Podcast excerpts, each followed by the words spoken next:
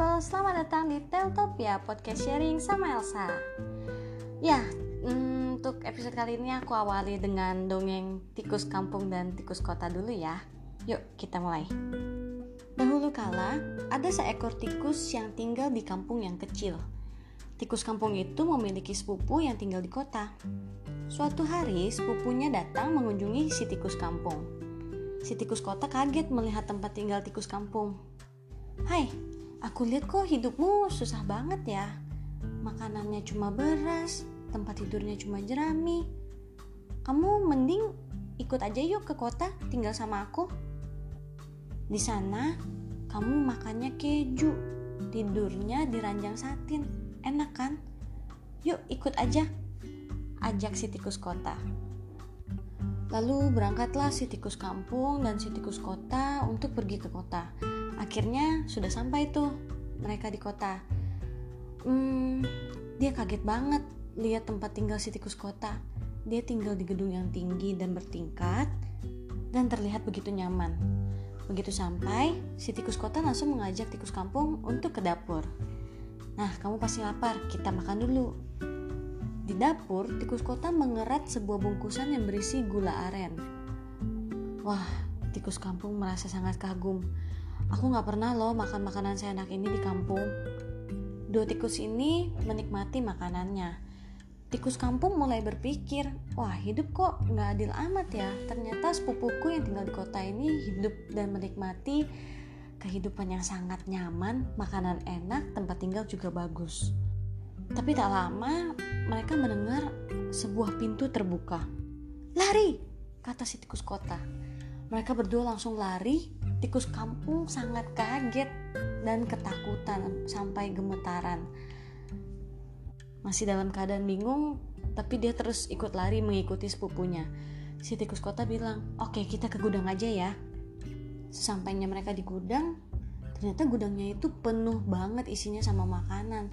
Ada keju, daging, dan lain-lain tikus kampung merasa sangat kesenangan karena di gudang itu begitu wangi makanan.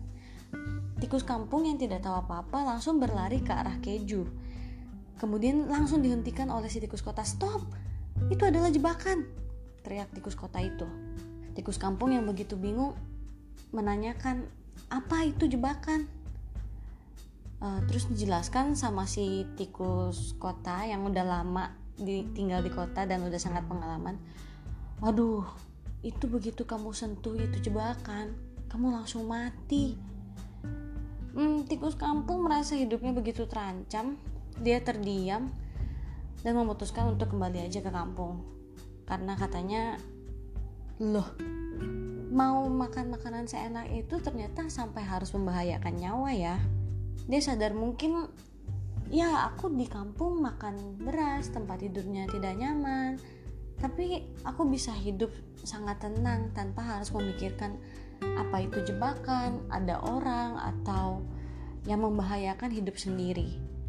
Dan tikus kampung pun e, bisa tidur nyenyak, hidupnya tenang, tidurnya nyenyak dan memutuskan untuk tidak akan pernah kembali lagi ke kota.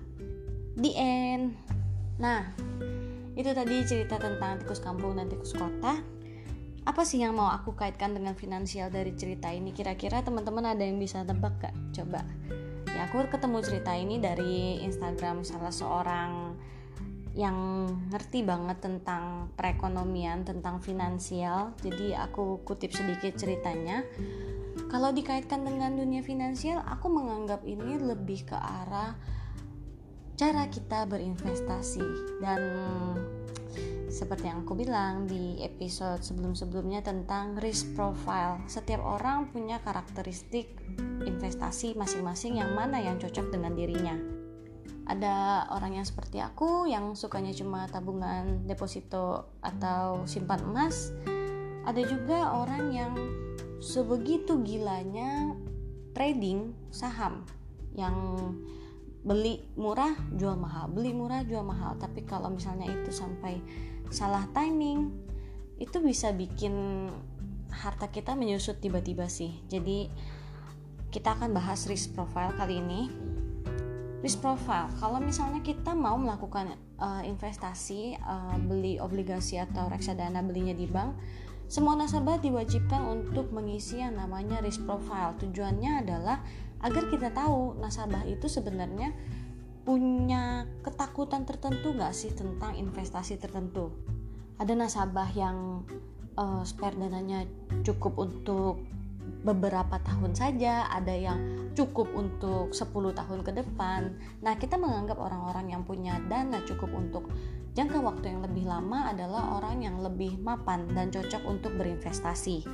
Ya, jadi pilihan investasinya bisa lebih banyak dan yang lebih riskan. Seperti cerita tikus kampung dan tikus kota ini, tikus kota itu adalah yang berani, berani mengambil resiko dan berani cuan lebih banyak istilahnya gitu ya jadi kalau misalnya makanannya lebih enak ya otomatis hidupnya lebih berdebar-debar karena mungkin di situ ada jebakan, di situ ada racun, di situ ada orang.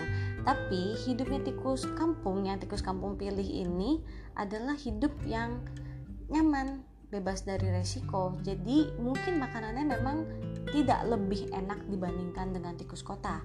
Bisa dibilang makanannya cuma beras polosan gitu nggak ada bumbu atau keju yang nikmat. Tempat tidurnya juga cuma jerami tadi dibilang seperti itu. Ya dia mengorbankan hidup nyamannya untuk hidup tenangnya.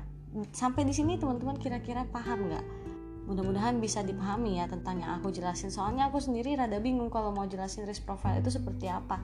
Sampai teman-teman datang sendiri ke bank terus bilang mau beli investasi ini dan ini misalnya. Nanti akan dilakukan sendiri.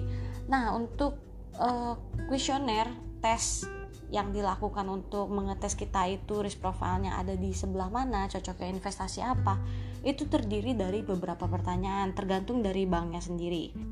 Di tempat sebelum aku bekerja sih total pertanyaannya ada 10 sampai 15 pertanyaan yang menanyakan seberapa mapan keuangan kita, seberapa paham kita tentang investasi, dan seberapa mampu kita menahan kerugian. Jadi jangan cuma mau cuannya doang, mau untungnya doang. Kayak um, aduh pengen banget ikut investasi itu bisa kasih kita keuntungan satu tahunnya 20% iya tolong dipahami dulu kalau misalnya mau dapat keuntungan 20% ketahui dulu resikonya apa dari investasi itu. Jadi nggak ada yang namanya investasi ini seringnya kayak MLM penipuan-penipuan gitu kali ya. Satu minggu dapat dibalikin berapa persen gitu.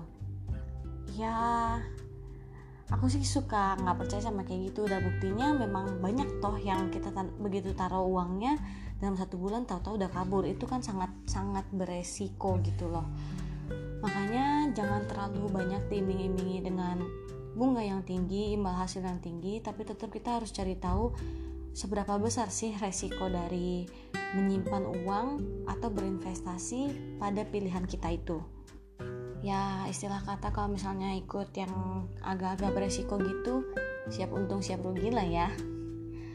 Oke, uh, untuk episode kali ini aku akhiri dengan itu. Jadi mudah-mudahan teman-teman memahami. Jadi bukan cuma mau untungnya doang tapi juga harus ngerti keru potensi kerugian yang akan disebabkan oleh investasi yang kita pilih. Mulai bijaklah memilih investasi yang cocok untuk diri kita masing-masing yang sesuai dengan profil resiko kita untuk episode kali ini segini dulu. Kita ketemu lagi di episode berikutnya ya. Thank you yang udah dengerin. Bye bye